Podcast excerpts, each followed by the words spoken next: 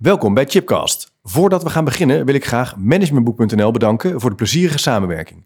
Managementboek.nl is al jaren dé plek waar ik mijn vakliteratuur bestel. En we zijn in het kader van Chipcast een leuke samenwerking gestart. Op www.managementboek.nl slash chipcast vind je een overzicht van de boeken die de revue passeren in de Chipcast afleveringen.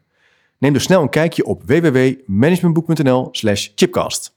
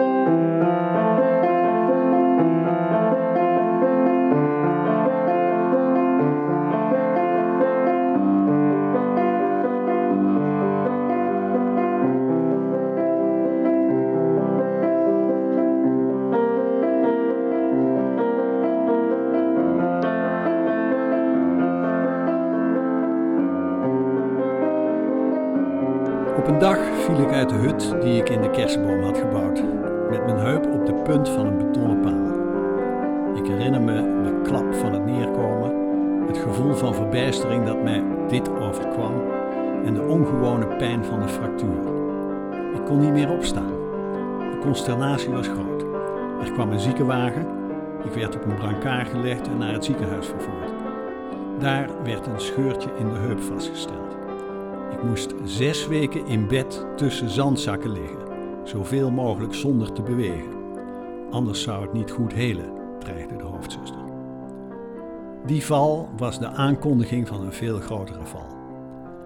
Toen ik weer kon lopen, ging ik naar een nieuwe school, buiten het dorp, in de dichtstbijzijnde stad. Dat was een half uur fietsen in plaats van twee minuten lopen. Daar spraken ze bekakt in plaats van mijn eigen dialect. Daar zaten allemaal leerlingen van wie je niet wist uit welk gezin ze kwamen of waar ze woonden. Ik was niet alleen uit de boom gevallen, maar ook uit de belevingswereld van mijn dorp, mijn taal, mijn hele kindertijd.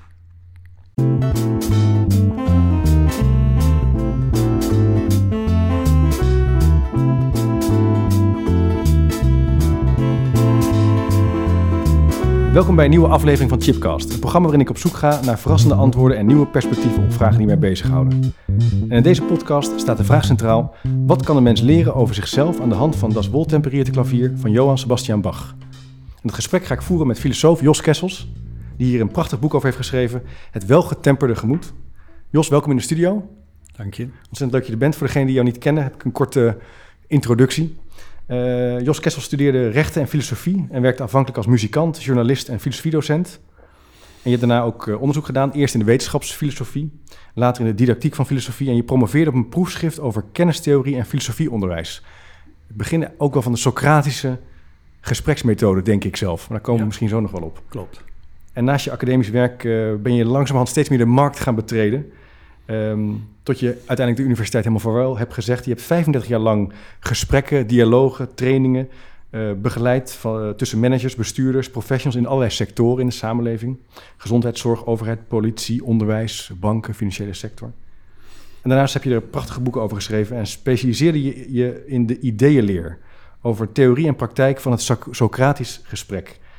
Denk bijvoorbeeld aan de boeken Socra Socrates in de markt, Filosofie in bedrijf of Geluk en wijsheid voor beginners. Leuk dat je er bent. Dank je.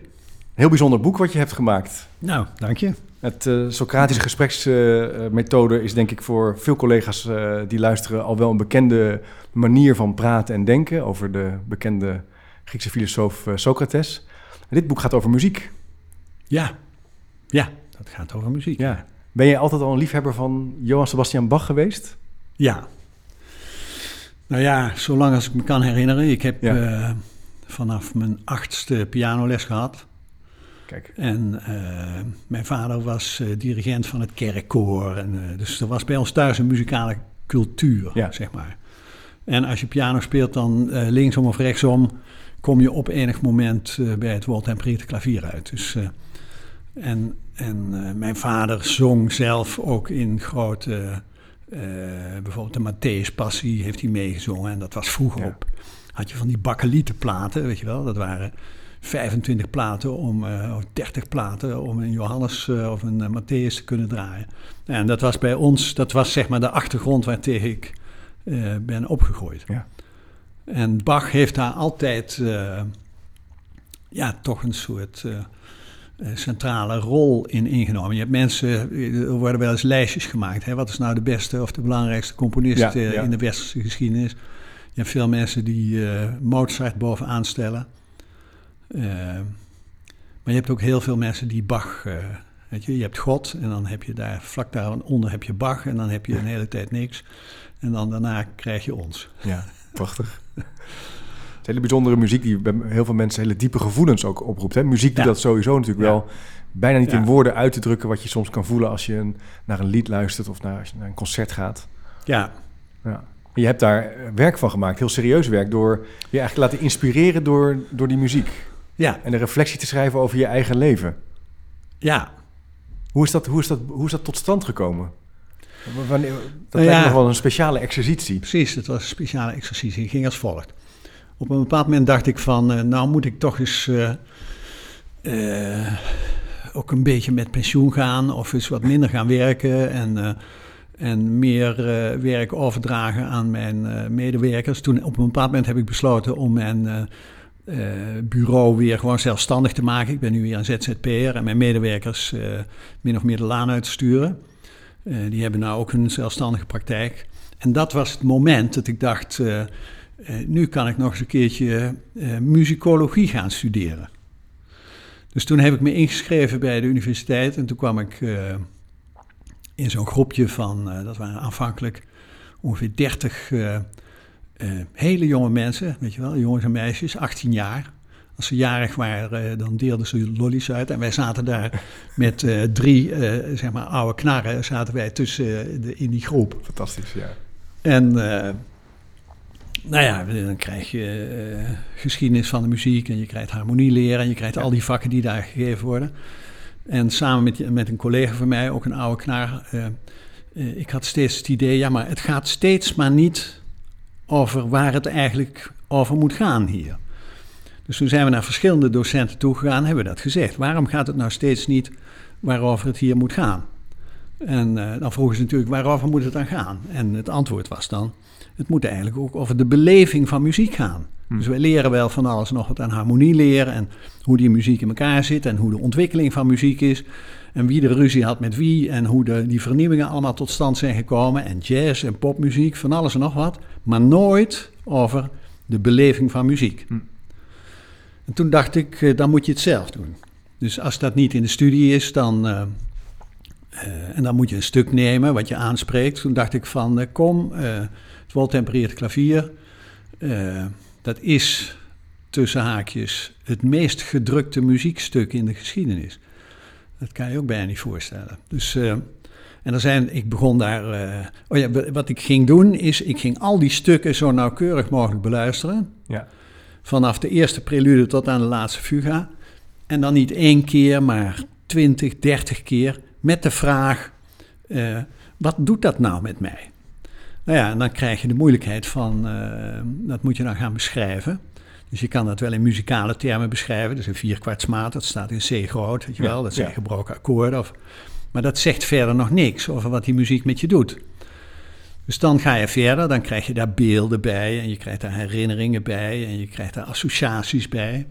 En van lieverlee komt dat natuurlijk ook steeds dichter bij jezelf. Nou ja, en toen las ik in een van de, de boeken van de secundaire literatuur eh, die ik daarover las, dat, eh, dat, dat woltempereerd klavier van Bach, dat geeft zeg maar het hele scala aan menselijke gevoelens weer.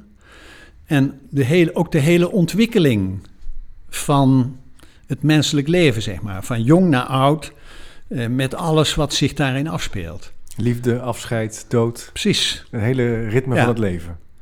En toen, toen ik, ik las dat en ik dacht, als dat het geval is, dan moet het ook mogelijk zijn om dat eh, met mijn eigen leven te doen. Dus toen al die analyses die ik inmiddels al had gemaakt van die stukken van het woordtempereerde klavier, die ging ik toen in een lijn zetten van hoe verhoudt zich dat tot mijn eigen leven. En dat was wonderbaarlijk, want eh, ik bedoel, als iemand moet weten hoe mijn leven in elkaar zit, dan ben ik het wel. Maar het werd een soort, eh, het werd een soort eh, eh, zich openbarend mysterie, weet je wel. Ik, bij elk stuk dacht ik weer van wat zou dat nou aan, aan, aan beelden en aan essenties. want dat is mijn, mijn idee van die muziek. Die muziek die geeft een soort essentie aan van wie je bent en hoe je in elkaar zit en wat jouw gevoelsleven is en wat jouw verhaal is. Dus ik werd benieuwd naar hoe dat voor mijzelf was. Wat is nou mijn verhaal? Dus ondanks dat je er zelf bij was, was het steeds weer een Yes. ontdekking. Ja, Dat is ook een verrassende ja constatering. want je kan wel, eh, weet je, je kan wel een cv eh, schrijven. Maar iedereen die een cv maakt, weet je, wel, een half A4'tje of Ja, drie, drie ja. kantjes of wat het dan ook is. Daar heb je het idee van, van dat is wel het verhaal, maar dat is tegelijkertijd is, is dat ontzettend dun. Dat is niet het echte verhaal. En dan kan je een stap verder gaan. Je kan proberen scènes uit je leven te beschrijven. Dan komt het al dichterbij. Maar je kan ook het gevoel hebben, dat, heb, dat gevoel heb ik vaak bij eh het weltempereerde klavier en trouwens ook bij andere muziek. Die geeft nog op een heel ander niveau iets weer van wat nou de essentie van mij en mijn gevoel en mijn identiteit en mijn verhaal is. En de vraag was natuurlijk, eh, kan je dat nou onder woorden brengen? Ja. Hoe moet je dat dan onder woorden brengen? Nou, dan krijg je een parallel tussen muziek en je eigen ontwikkeling. En elke keer was ik verbaasd van wat zou nou het volgende stuk voor, voor beeld laten zien van mijn eigen ontwikkeling. Dus nou ja, toen schreef dat boek zichzelf. Het was een geweldige speurtocht van, eh, van wie ik eigenlijk zelf ben. Een ontdekkingsreis. Precies. Ja. Terwijl je wel al je leven had gele- hebt geleid. Dus dat is natuurlijk Ja. fascinerend. Ja. Dat het opnieuw weer tot inzichten Ja. eh, Maar goed, dat is dus een van de dingen die mij daar eh, enorm is opgevallen. Dat is, eh, wij hebben een, zeg maar een talig leven. Wij communiceren, wij zijn mensen van het woord. Maar daarnaast is er een hele werkelijkheid die als het ware buiten de taal valt, waar je, waar je met de taal niet bij kunt en die toch een cruciale rol Ja. inneemt. Ja. En dat is niet alleen muziek, dat is ook dans, weet je wel, gebaren. En dat zijn kleuren en dat zijn allerlei vormen van beelden die je niet zomaar smaken, weet je wel. Allerlei hele zintuigelijke dingen. Die spelen een enorm belangrijke rol. En er is eigenlijk geen taal voor. En toch speelt het een enorme rol in je bestaan. Want mensen identificeren zich met muziek. Eh, of ze zetten zich soms enorm af tegen muziek. Dat- Ja. Dus het zijn hele identiteitsbepalende dingen. Ja. Nou, ik herken het ook weer, want eerder ben ik in Diemen bij jou op bezoek geweest toen jij een presentatie gaf met ehm, jouw collega die ook de muziekstukken speelde, Marcel. Marcel. En je Ja. merkte ook dat, bij bepaal, dat je heel snel reageert op die muziek. Dat je, er, dat je het ofwel nou ja, heel plat mooi vindt, ofwel niet mooi vindt, of zelfs op sommige stukken, hè, dat, dat doet wat met je. ja, Meteen. meteen, ja. En dat, is, en dat is heel lastig om ook onder woorden te brengen. Ja, En dat is natuurlijk, nou ja, dat zit de grens aan onze taal, aan, onze, aan wat we kunnen opschrijven, wat we kunnen vertellen. Ja, ja ik, de, in een van die eh, studies, ik geloof dat ik dat ook in mijn boek heb beschreven, eh, daar las ik dat eh, Bach was natuurlijk in Leipzig onderdeel van zeg maar, het intellectuele leven daar. Hij had ook met allerlei mensen van de universiteit, de academie te maken. Maar Bach die zette zich in zekere zin nogal af tegen die mensen, omdat hij vond dat ze alleen maar met taal in de weer waren. En bijvoorbeeld Christian Wolff, of Christoph Wolff, die beschrijft dat eh, een van de intenties, een van de ambities van Bach was om een soort godsbewijs te leveren buiten de taal om. En dat vind ik een hele mooie eh, Ja. beschrijving. Dat is ook wat er. eh, dus als je werkelijk ontroerd wordt door muziek, dan gebeurt er iets met je. Wat vele malen verder gaat dan wat je zomaar in, in taal kunt beschrijven. Dat heeft met je hele hebben en houden, je hele ziel en zaligheid heeft dat te maken. ja. Precies.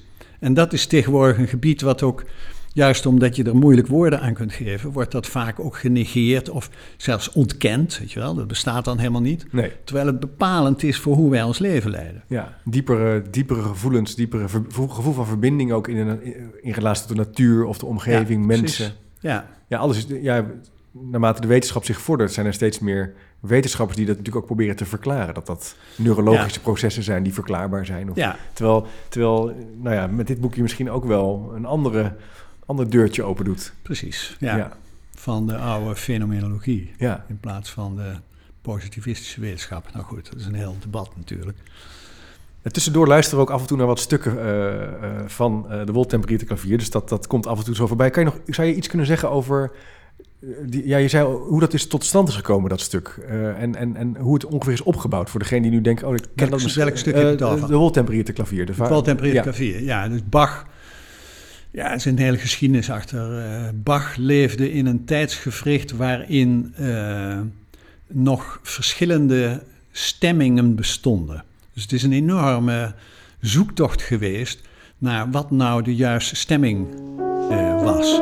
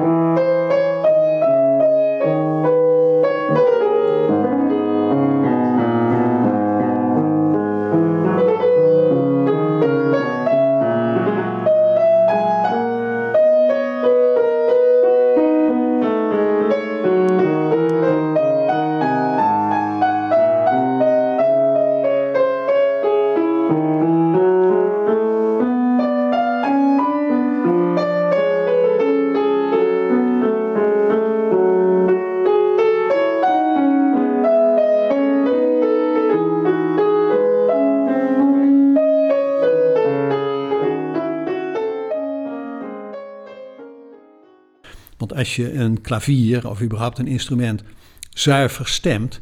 eh, en je kunt niet intoneren. Op een viool Mhm. kun je intoneren, Ja. maar op een klavecimbal kun je dat natuurlijk niet. Dan eh, klinken stukken in bepaalde toonaarden heel goed. Zuivere stemming. Maar in andere toonaarden, als je wegmoduleert, eh, dan begint het enorm vals te klinken. Dus die, de verhouding van die tonen onderling, die moet op elkaar afgestemd worden. En de puur wiskundige afstemming, die klinkt niet goed. Dat is ook een interessant eh, Ja. fenomeen. Dus wel het octaaf en de kwint, maar de andere eh, afstanden, als je die wiskundig, volgens het wiskundige model gaat stemmen, dan, dan, dan, dan gaat de muziek vals klinken. Dus bij elk van die tonen moet er getempereerd worden. Nou Ja, daar waren verschillende vormen voor. En eh, Bach was een aanhanger van de werkmeisterstemming, die toen in op- opkomst was. En eh, Bach was een van de eerste die, eh, die stukken wilde schrijven. eh, om te laten zien hoe, wat een gemak dat gaf als je een welgetemperde, een welgetempereerde stemming had. Want dan kon je door, namelijk met je muziek door alle toonaarden heen moduleren. En dat doet hij ook op verschillende plekken. Dan is hij, eh, als hij vijf maten ver is, dan is hij al, eh, al drie of vier harmonische trappen verder. Dus, dus dat geeft een enorme vrijheid. Ja, ja. En dat is wat hij in dat, in dat stuk heeft geprobeerd om, eh, om al die temperingen, of de, om binnen de, de, de welgetemperde vorm, al die verschillende schakeringen van gevoelens die je daarmee kunt duidelijk maken, om die te laten klinken. En dat deed hij in de muziek, maar mijn stelling is natuurlijk dat hij dat niet alleen voor, voor de muziek deed, maar ook in zekere zin voor de ziel, weet je wel, voor ons, voor hoe je zeg maar geestelijk of mentaal in elkaar zit. Zou hij daar ideeën over hebben gehad? Ja, dat denk ik wel, ja. Ja, ja. Dat denk ik wel. Dat hij dat, dat, hij Ja. dat al voelde bij zichzelf of bij anderen? ja. Ja, dat heeft hij ook met zoveel woorden gezegd. Hè? Dat, eh, eh, wat zei hij ook weer? Dat zijn muziek was, eh, al zijn muziek was bedoeld eh, voor de glorie van God en voor de herschepping van het gemoed. De herschepping van het gemoed vind ik een prachtige Ja. uitdrukking. Ja. En dat is ook wat er feitelijk gebeurt volgens mij. Als je naar die muziek luistert, dan vindt er een soort herschepping van het gemoed plaats. En een tempering van het gemoed. En eh, het is net alsof je daar weer, als het ware, je kompas gaat vinden of gaat herijken. En dat doet hij door dat hele woltempereerde klavier heen met al die verschillende schakeringen van emoties. Ja. Dus daar zit, eh, daar zit ook een hele interessante parallel, vind ik, met de klassieke filosofie. Met, ook met de Socratische methode, met de Aristotelische deugdenleer, met eh, de praktische wijsheid van Aristoteles. Nou ja, dat, daar zitten allerlei parallellen. Wat, hoe, kan, je, kan je toelichten? Wat, hoe, hoe zie je dat dan? Ja, dat is op zich ook weer een verhaal. Dus eh, als Ja. je het kort samenvat... Ja, kort. eh, Nou, hoeft niet al te eh, kort, hoor, maar- Maar hoe zie je die relatie tussen die filosofie en, en, en die muziekstructuur en opbouw? Ik, ik heb eh, eh, afgelopen 20, 25 jaar eh, veel samengewerkt met Victor Muller. Dat is een, eh, een muzikus, hè, oorspronkelijk trombonist, die veel met zang doet. En hij onders, onderscheidde in de muziek vier krachten, namelijk maat en ritme, harmonie, melodie en de dirigent die het geheel in de gaten houdt. En op een bepaald moment zaten wij bij elkaar en toen ontdekten we dat die vier krachten eh, parallel lopen met de, de kardinale deugden in de deugdenleer en de klassieke filosofie. Namelijk maat, maat en ritme, eh, moed, de hartkracht, hè, dat gaat over verbinding, dat gaat over de, de rol van, van de dissonant ten opzichte van de consonant. Dan eh, prudentia, verstandigheid, dat is eh, zeg maar de melodielijn. En justitia, rechtvaardigheid, dat is eh, de kunst van het geheel. Dat is zeg maar de, de grote leiderschapsdeugd.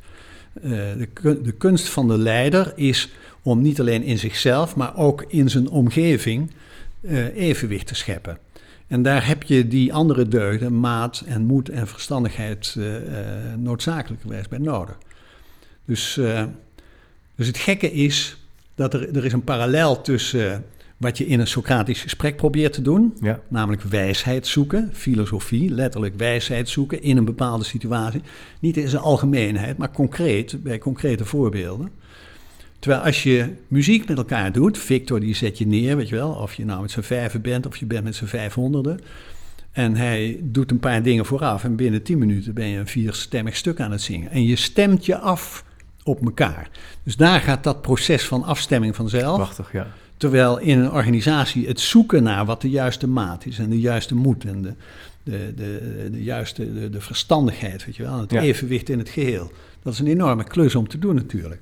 Heel interessant hoe goed, dat... dat, is, dat is het filosofische werk. Dus er is een parallel tussen het filosofische werk en het muzikale. Ja. Dat is het grappige. Heel mooi. Nou, ik moet denken, ja, ik weet niet, dat zou je denk ik niet eens weten, maar toen ik met mijn promotieonderzoek bezig was, volgde ik eh, 17 netwerken, informele en formele netwerken in organisaties die bezig waren met innovatie. Onder andere in de gezondheidszorg. En er was één netwerk wat zich bezighield met dwang- en drangverpleging. Dus die wilde op een andere manier omgaan met het isoleren van patiënten. Dat was een groot vraagstuk nu, ik denk 12 jaar geleden inmiddels. Hm. Ehm, en die, ontwikkelde daar, die wilde daar toen ook een aanpak voor ontwikkelen. En die bedachten toen om daar met een Socratische dialoogmethode Ja, voor precies. aan, aan tafel te gaan. En wat ze daar deden was elke drie weken kwamen ze bij elkaar en behandelden ze casuïstiek. Ja, En dat was ik dan bij. En ik had dus toen nog nooit gehoord van die Socratische dialoog. Of nou ja, wel van Socrates, maar niet van die methode. ja, En ze probeerden dus eigenlijk in, op te zoek te gaan naar wat is nou eigenlijk goed. Ja, Als het gaat over een patiënt die verregaand Ja. in de war is. En, hoe, en je merkte ook dat dat op een gegeven moment tot een soort ritme leidde. Tot een soort gespreksvaardigheid. Ja. Anders dan met elkaar een beetje gaan vertellen wie nou... Hè, de psychi- psychiater kan wel zeggen hoe het hoort. ja. Maar juist vragen stellen aan elkaar was daarin bijvoorbeeld ontzettend belangrijk om naar een andere, andere orde te komen. Vond ik fascinerend. Eh, even een klein uitstapje, maar dat. Nee, eh, nee, maar dit, ja. dit is cruciaal. Want Ja. dat is, ik bedoel, dat is het werk wat ik ook nog steeds doe, ja, ook in de zorg, veel. een beetje. Ja. Eh, het is van groot belang dat mensen af en toe ook, zeker op hoog niveau, hè, op managersniveau, bestuurdersniveau, om af en toe bij elkaar te zitten. Zijn meestal mensen die erg verbaal begaafd zijn en die met hun woorden eh, niet alleen van alles nog wat kunnen duidelijk maken, maar ook heel veel verhullen. Behalve op het moment dat je bij elkaar komt om na te gaan wat in een bepaalde kwestie nou deugt, de moeite waard is. Ja. En dan heb je die vaardigheden nodig. En ik bedoel, daar speelt, dat heb ik ook verschillende keren meegemaakt, dat heb je ongetwijfeld zelf ook meegemaakt. Uh, dus soms gaan die uh, gesprekken, uh, dat zijn een soort vormen van oorlog voeren, Ja. debat. Ja. En soms ontstaat daar een soort samenhang, die, die, een, een harmonie, waardoor als het ware het gesprek en de deelnemers aan dat gesprek gaan zingen. Dat is ook Ja. een metafoor. Ja. Maar zich afstemmen op elkaar en gezamenlijk zoeken naar wat is daar nou de moeite waard, weet je wel? En dat is enorm verbindend. Zeker als je in staat bent om, eh, om dat masker van al die woorden eens even Ja. te laten vallen en werkelijk grondig na te gaan van wat gebeurt er nou met mij in zo'n situatie. Tussendoor wil ik je graag attenderen op mijn samenwerking met onderwijsadviesbureau Dekkers. We hebben een mooi aanbod van trainingen ontwikkeld, specifiek voor professionals en leidinggevenden in het onderwijs. Wil je bijvoorbeeld in één dag overzicht van relevante managementmodellen, specifiek afgestemd voor het onderwijs? Of zoek je naar effectieve en bewezen methodieken hoe je aan curriculumverbetering kunt werken? Check dan www.oabdekkers.nl slash chipcast of kijk op www.oabdekkers.nl bij open aanbod. Dat is echt, eh, en Mooi, dan ontstaat er een soort muziek. Ja, muziek. En, en dialoog en ruimte. En, en- Ja. ja. Zou, dus we leggen de relatie tussen dat, wat zegt Bach nou over onszelf en hoe heeft hij nou die muziek ontworpen op zo'n manier dat hij bewust onbewust dat het ons iets zegt. Hè? En in het boek doorloop je eigenlijk jouw historie, jouw jeugd, jouw opgroeien aan de hand van die muziek. Ehm, en je hebt het op, op een gegeven moment ook over de klank van, van een idee. Ja, Dus eh, ik zal de passage nog misschien even terughalen op de website, maar dat je zegt op een gegeven moment begon ik op een andere manier te luisteren naar wat mensen zeggen. ja, En niet alleen te, te luisteren naar een argument, maar naar hoe het ritme is van wat ze vertellen. Ja, misschien kan je het beter zelf uitleggen, maar dat fascineerde mij. Wat je daar, ja. Zou je dat misschien nog eens kunnen toelichten? Hoe je dat, Nou ja, daar relatie tot... Dus Ja. eh, in de praktijk gaat het zo. eh, eh, bijvoorbeeld, we hebben nog zo'n serie diners pensants in de, in de zorg. Daar komen dan meestal, zijn het zeven, acht, negen mensen soms, die komen bij elkaar. Eind van de middag. met als doel om dat gesprek te voeren. Ze kennen inmiddels eh, de Socratische methode, dus ze weten dat het aan de hand van casuïstiek gaat. Nou, hoe gaat dat? Die mensen die hebben een dag achter de rug, die moeten een beetje eh, een kopje thee drinken en een Ja. beetje afblazen en een beetje flauwekulverhalen tegen elkaar vertellen. En dan, eh, de, dan wordt er een casus ingebracht, dan begint dat gesprek. Dat is tamelijk strikt eh, georganiseerd. Iemand eh, brengt een casus in, iedereen die verplaatst zich in die casus. Je moet een beetje duidelijk krijgen hoe die casus is. En langzamerhand verandert de toon. En eh, ik heb, vroeger heb ik me ontzettend bezig gehouden met argumentatieanalyse. Wat, wat is nou de juiste argumentatie? En naarmate ik daar meer eh, ervaring mee kreeg met die gesprekken, eh, lijkt het wel alsof het minder om de inhoud van de argumentatie ging. Daar gaat het natuurlijk ook over, de logos. Maar ehm, je hebt drie niveaus in de klassieke communicatie. Niet alleen logos, maar ook pathos en ethos. Dus gevoel en karakter. Weet je wel, wie ben jij nou eigenlijk? En eh, naarmate ik daar verder in kwam, kreeg ik de indruk dat eh, met name die twee laatste niveaus, pathos en ethos, een steeds belangrijke rol gaan spelen. En dat hoor je aan de toon. Dus de toon, c'est le ton qui fait la musique, Mm, zeggen ze dan. ja. Je, je hoort aan de toon ja, hoe, hoe, de, hoe dat mengt. eh, en of dat eh, zeg maar, eh, tot consonantie leidt of tot dissonant.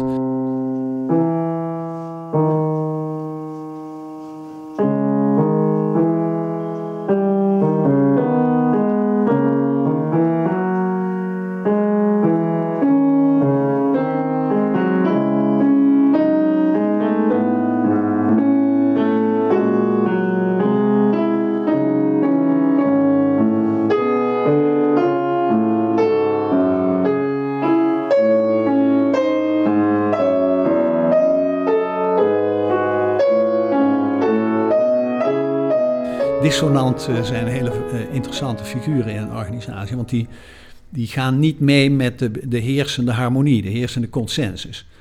Ehm, maar die maken nou net de klank interessant. Maar een dissonant is iets heel anders dan een valse noot. Een valse noot, weet je, in een orkest, iemand die voortdurend valse noten speelt, die wordt verwijderd. Ja, Die kan niet meedoen. nee. Maar een dissonant is een interessante kracht. Dat is een stuwende kracht eh, in de muziek. Ja. Nou ja, en dat begin je, als je daarop begint te letten, dan, dan, dan krijgt een gesprek een heel ander soort lading. En voor mij is dat een soort zingen, weet je. Als zo'n gesprek goed gaat, dan zit je op het eind zit je met z'n allen, als, als het ware een, een kanon of een, een, Ja, een, ja. een achtstemmig stuk eh, te zingen. Prachtig. En doet, En- doet Bach dat ook in zijn muziek? Een gebruik Ja, maken van dit precies. soort bewegingen? Ja. Ja? Nou ja, Bach die zat natuurlijk in de tijd dat eh, die affectenleer nog een eh, belangrijke rol speelde. Dus, dus er was altijd een parallel tussen de barokmuziek en de klassieke retorica. Je moet, een, je, je moet een begin hebben en dan moet je een doorwerking hebben. En dan, eh, je kan emoties uitvergroten of je kan ze kleiner maken. Je kan ze verweven op een bepaalde manier. Sommige eh, omhooggaande lijn die heeft een andere eh, betekenis dan een omla- omlaaggaande lijn. Eh, mineur heeft een andere betekenis dan majeur. Dus daar speelt hij mee en daar weeft hij als het ware die verschillende affecten mee in elkaar. En dat doet hij op een wonderbaarlijk subtiele en eh, kunstige manier, eh, eh, vind ik. Waardoor je allerlei schakeringen ook in je eigen gevoel gaat, Precies. gaat, Precies, gaat ja, waarnemen, ja. die je zelfs nauwelijks onder woorden kunt brengen. Terwijl in muziek kun je ze wel horen. Ja. ja. Dus hij, je kan het gebruiken om gevoelens op te roepen. Om Ja, te gaan, ja. en dat doet hij dus ook met, Ja. met grote, eh, groot meesterschap, Ja. zeg maar. Ja. Ja, het gaat bijvoorbeeld ook over gemis en verwerking in je boek. Hè? Ja. In een van de, van de hoofdstukken. Ja, Uh, hoe, hoe is dat gerelateerd aan, aan, aan het werk van Bach dan? Hoe probeert hij, hoe, kan je daar iets over zeggen? Hoe, dat dan, hoe analyseer je dat dan? nou ja, kijk, er is een hoofdstuk, eh, dat heb ik gekoppeld aan een... eh, be- dat gaat over gemis en verwerking, volgens mij. Dat is een... Ik heb, ik heb een hele tijd eh, met een paar vrienden in een groepje gezeten van eh, Lieke Blom. Dat was een muzikologe en dat was een goede vriendin van mij. En zij was een autoriteit op het gebied van Bach. En op een bepaald moment is zij vrij plotseling overleden. En dat was voor ons was dat een enorme klap Hmm. natuurlijk. Nou ja, dat, dat, die gebeurtenis in mijn bi- biografie komt op een punt dat Bach een prelude eh, heeft. Ja, als je die luistert, als je daarnaar luistert, dan hoor je een soort rouwstoet. Zoals je die vroeger had met een, eh, met een, eh, met zo'n omvloerste trom voorop. En Oh ja. dan een heel langzaam ritme en, en een mineurakkoorden natuurlijk. En, ja, je ontkomt er niet aan. Dus dat is een soort directe eh, verbeelding die zich opdringt. En dat is niet voor niks, want Bach heeft dat met opzet ook zo gemaakt, eh, denk ik. Ik bedoel, los van het feit dat je eh, op muziek kun je natuurlijk allerlei soorten verhalen plakken. Maar op dit stuk, daar kun je niet, eh, weet ik veel, een vrolijk circusnummer of Nee. een, eh, of een eh, Nee. weet je wel, een, eh, een, eh, een lenteochtend of een geweldig feest of zoiets. Het zijn allemaal hele andere emotionele Ja, eh, paletten. ja muziek versterkt dat enorm natuurlijk, helemaal met beeld Ja, erbij. En we hadden al even voordat we de podcast aanzetten over bijvoorbeeld de film Star Wars, hè, waar je dan ook als Darth Vader de kwade genius opkomt, bijvoorbeeld. hoor je ook bepaalde muziek. En dan, ik weet toen jongens, dan voel je gewoon, daar gaat iets ergs gebeuren. Ja, Deze man is heel Ja. gemeen. Ja, Eh, transformatie is een onderwerp ook van in, in het boek. Daar, Ja. dat, dat gebruikt Bach ook ja, op een bepaalde voortdurend. manier voortdurend. Hè? Dat- Ja. die overgangen. Ja, dat is ook een techniek van luisteren. Maar, dus hij heeft een thema. Eh, dus die, die fuga's, dat zijn vaak drie, vier, soms vijfstemmige Ja, eh, weefsels waar een bepaald thema in verschillende liggingen in elkaar, ge- hoe moet je zeggen, gewoven, geweven wordt. Ehm, en door dat te doen, transformeert het. Ehm, dat kan je muzikaal doen. Hè. Je kan een, een thema dubbel zo lang maken of dubbel zo kort maken. Je kan het een andere ligging geven. Je kan het van mineur, majeur zetten of anders. Dus je kan er van alles nog wat mee doen. Eh, maar je kan het ook, eh, eh, als je het beluistert met het oor van... wat doet dit nou met mij, gevoelsmatig? Dan hoor je als het ware ook... Ik heb het ergens beschreven als een soort... hoe heet dat? Zo'n laboratorium van een alchemist. Weet je wel, die met Ja. allemaal retorten Ja, ja, ja. werkt en met allemaal rare proefjes. En, en, en je zou kunnen zeggen dat Bach een soort alchemist van de ziel is. Hè? Via de klank, een, zeg maar een tovermiddel, eh, haalt hij, eh, roept hij bepaalde betovering op Of haalt hij een bepaalde betovering weg, Ja. waardoor, je, waardoor je veel preciezer gaat zien eh, wat er nou werkelijk met je aan de hand is, of wat er nou werkelijk speelt in die muziek. Dat wil zeggen in jou, weet je wel, in jouw ervaring van die muziek. Ja. En die, die transformaties, eh, ja, die heeft hij ook met zoveel, eh, zoveel met, met, met, met eh, expliciet bedoeld. Eh, als je bijvoorbeeld de eerste prelude vergelijkt met de laatste fuga. De eerste prelude is heel simpel, zijn gebroken akkoorden, is een soort inleiding in het hele werk wat hij gaat verrichten. De laatste fuga is een hele complexe, schurende, een beetje twaalftoonsachtige eh, eh, fuga met eh, vier stemmen, meen ik, vier of vijf stemmen. Waarvan je denkt, als je zeker tegen de achtergrond van de harmonieleer van die tijd, van, van wat een rare klanken zijn dat.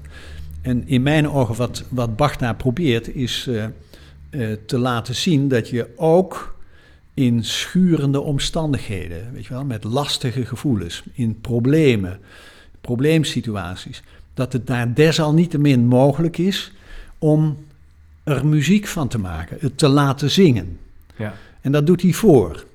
En ehm, nou ja, als je in staat bent om daarin te komen en je daarmee te verbinden, dan gebeurt dat ook als het ware zielsmatig met je. En ehm, nou ja, dat kan heel troostrijk en, en, en versterkend en eh, zeg maar evenwicht creërend zijn. In ieder geval zo ervaar ik dat. ja, dat heb je ook prachtig op. Is het niet spannend om dat te doen? Ja, dat is spannend. Ja. Ja. Je weet nooit waar je uitkomt. Het Nee, het is, eh, de kern. Ja, en je, ik bedoel, je kan wel een verhaal vertellen, maar de kunst is natuurlijk om, eh, om, om, voor zover dat dan kan, het verhaal te vertellen. Ja. Wie jij bent Ja. op dit moment. Ja. Weet je wel? Dus werkelijk eh, het onderzoek serieus te nemen. Maar goed, dat is in een Socratisch gesprek is dat natuurlijk ook eh, voortdurend een Ja. opgave. Je moet wel echt met je billen bloot. Je moet wel durven en wel echt gaan. Precies, ja. Ja. En het is natuurlijk ehm, eh, de, of de hoofdvraag, de vraag waar we, waar we naar zijn. Van wat kunnen we leren van, van die muziek hè? Voor, voor ons als mensen? Je hebt het opgeschreven. Is daar nou, als je nu luistert, je denkt, oh, dat wil ik ook wel eens niet proberen. Maar zijn daar bepaalde vragen voor te... Zijn daar richtinggevende vragen voor te, te, te noemen? Ja, ja, ja, ja, ja, ja. Dus het eerste is, we, dus sinds eh, dat boek is uitgekomen en eh, Marcel Worms eh, mij heeft gebeld, hebben we samen een programma eh, wat we doen. En daar gebeurt dat ook. Dus Marcel speelt een stukje. Ja. Ehm, die speelt ook, hij geeft ook uitvoeringen van het hele woltempereerde klavier. Maar als wij met z'n tweeën optreden, dan speelt hij één of twee stukken. Ja. En dan is de opdracht, luister nou eens wat er met je gebeurt. Nou ja, dan zit je al met de moeilijkheid, kan ik dat überhaupt onder woorden brengen? Maar goed, je krijgt wel een beeld van een sfeer of een kleuring of een gemoedstemming. Of, eh, en vervolgens komen er associaties en herinneringen, weet je. Of je mijmert weg. En dat heeft te maken met die muziek. Ehm, nou ja, dat, is, dat zijn als het ware de eerste stappen. Dat je als het ware bewust wordt van wat gebeurt er nou met mij als ik dit hoor. Dat moet je overigens ook als manager in een organisatie. Weet je, wel. je moet altijd een soort dubbeloor hebben. Niet alleen naar eh, wat hoor ik hier nou aan in- inhoud, logos, maar ook wat is het pathos en ethosniveau. Dus het is volgens mij een hele belangrijke training ook voor, eh, voor mensen in organisaties, voor eh, überhaupt alle Ja, communicatie. durven voelen. Wat, Ja. je, wat je ziet, wat het iets Ja. met je doet. Ja, Terwijl je komt ook wel mensen tegen die zeggen, nou, het gaat, van, gaat alleen om de rationaliteit. De data, Ja. de analyse. ja, Het moet kloppen. ja. Jij zegt eigenlijk hiermee, nee, je mag ook anders luisteren naar zo'n stuk. Precies. Ja, de, de dingen moeten wel kloppen, maar Ja. er zijn hele andere niveaus van kloppen, denk ik. Ja, ja. En dan een volgend stadium is dat je eh, dat, je dat verbindt met eh, eh, zeg maar herinneringen aan je eigen leven. Jouw eigen leven is ook een verhaal, net als de muziek een soort verhaal is. Waar zitten nou parallellen? Waar ben je datgene wat er klinkt in de muziek, ben je tegengekomen in je eigen leven? Dat is een gekke oefening. Kan ik nou zo'n zo'n treurig stuk, welke momenten in mijn leven heb ik nou gehad dat dat daar speelde? Weet Ja. je wel? Dat, het is mogelijk om dat op te roepen. En dan een volgende stap is eh, dat je probeert na te gaan, eh, waar word ik nou geraakt? Ontroerd of... of eh, en dat is een heel merkwaardig verschijnsel eh, in het menselijk leven. Iedereen die heeft dat ook wel eens meegemaakt. eh, je wordt soms geraakt door iets of iemand. Ja. Je, je wordt verliefd, weet je. Het is vreselijk. Je slaapt niet meer en je eet niet meer. En, en toch is dat wat je wil. En daar gebeurt iets met je, dat gebeurt niet in je hoofd, weet je wel. Dat gebeurt met je hele systeem. Je bent er met ziel en zaligheid bij je, zit je erin. Ehm, en dan, daar, daar gebeurt iets met jou, wat maar voor een heel beperkt gedeelte eh, in woorden is weer te geven. Terwijl het bepalend is voor hoe jij je leven inricht. Het is de vraag, ga je, ga je erachteraan of, Ja, eh, ja. of eh, ben je te bang en laat je, je, eh, het weet lopen. laat je het lopen. Ja. Dat is voortdurend. En wat is nou de juiste verhouding daarin, weet je? Ja. Dus die, zo'n soort oefening. Kijk, meestal wij gaan naar een concert en we luisteren naar een concert. En eh, dan is het pauze of het is afgelopen en we lopen weg. En dan zeggen we, nou, dat is eh, mooi gespeeld. Ja, ik heb daar en daar wel een paar foutjes gehoord, maar... eh, en voor de rest kun je er nauwelijks iets over zeggen. Nee. Terwijl als je op zo'n manier, zeg maar, fenomenologisch begint te luisteren... dan krijgt het meer taal, omdat, omdat je meer zelfonderzoek doet en meer van jezelf laat zien en dat uitwisselt met elkaar. Dan krijg je een heel ander soort gesprek eh, Ja. over muziek. Ja. Het, het, het is in zekere zin ook een vorm van emancipatie. Je leert ook over jezelf na te denken, jezelf Ja. uit te spreken. Ja, En we zijn in zi- in zekere zin dus meer dan ons brein. In de zin, hè, je zegt, het is, doe- je doet het met je Ja. hele lichaam. yes. Alles doet mee. Alles doet mee. Ja. Alles doet En mee. dat herken ik ook wel in, als je kijkt naar, naar mijn werk als, als onderzoeker of adviseur. En soms kom je in een organisatie, dan voel je, hey, dat is, het loopt lekker hier. Je, komt hè, je komt mensen Ja. tegen en je denkt, oh, ze zijn met leuke dingen bezig. Maar je komt ook wel eens in een organisatie, dan kom je al binnen en denk je, oeh, Ja, ik weet het niet. ja, Een raar gesprek of vreemd. precies. Ja, En dat is natuurlijk heel spannend om dat, ja, dat uit te spreken of daar, of daar naartoe te gaan. ja. Ja, En dus eigenlijk is dat ook een, is dit een appel om, om dat op te zoeken bij jezelf. Hè? ja. Dus dit is natuurlijk niet een boek over organisaties, maar ja, mooi. ja. Leuk Jos, fantastisch om met je over van gedachten te wisselen. Eh, bijzondere eh, denkwijze, filosofie, muziek, prachtige verbindingen. ja. Ehm, tussendoor hebben we af en toe wat, wat muziekfragmenten laten spelen eh, voor, de, voor de luisteraar om zelf op onderzoek te gaan, hè? zou ik zeggen. En ik zal de vraag ook nog zeker even... Dat is, dat is het Toch? leukste. ja, dat is het leukste. Ja. Ehm, dankjewel Jos. We zijn het eind gekomen van deze chipcast. Bedankt voor, voor je tijd en eh, superleuk dat je hier naartoe wilde komen om te praten over je nieuwste boek, Het Welgetemperde Gemoed. Zeker de moeite waard om te lezen en om te beluisteren natuurlijk. De Woltempereerde klavier van, eh, van, eh, van Bach. Ehm, kijk ook zeker even op eh, mijn boekenkast. Op www.managementboek.nl slash chipkast staat het boek ook op. Kan direct bestellen, mocht je denken van... hé, hey, dat wil ik lezen. En schrijf je ook in, als je het leuk vindt... voor de wekelijkse mailing op www.chipkast.nl slash doe mee. krijg je elke week automatisch een nieuw gesprek over leren, onderwijs, samenwerken en filosofie. Gratis en voor niets. Wie wil dat nou niet? Ehm, en blijf luisteren, zou ik zeggen. Want binnenkort ontmoet ik, wilde ik nog even zeggen, Jan van der Ven. Dat is de initiatiefnemer van PO in Actie, de grote lerarenstakingscollectief van hele jonge leerkrachten. Die eh, vorig jaar, maar ook afgelopen jaren, best wel grote successen heeft eh, bereikt voor beter salaris, betere voorwaarden en beter onderwijs. En ik ga met hem praten over die beweging en over wat hij de aankomende jaren belangrijk vindt als het gaat over het opkrikken van de onderwijsresultaat, onder andere in Nederland. Dus dat even als afsluiter. Bedankt voor het kijken en luisteren en tot de volgende keer maar weer.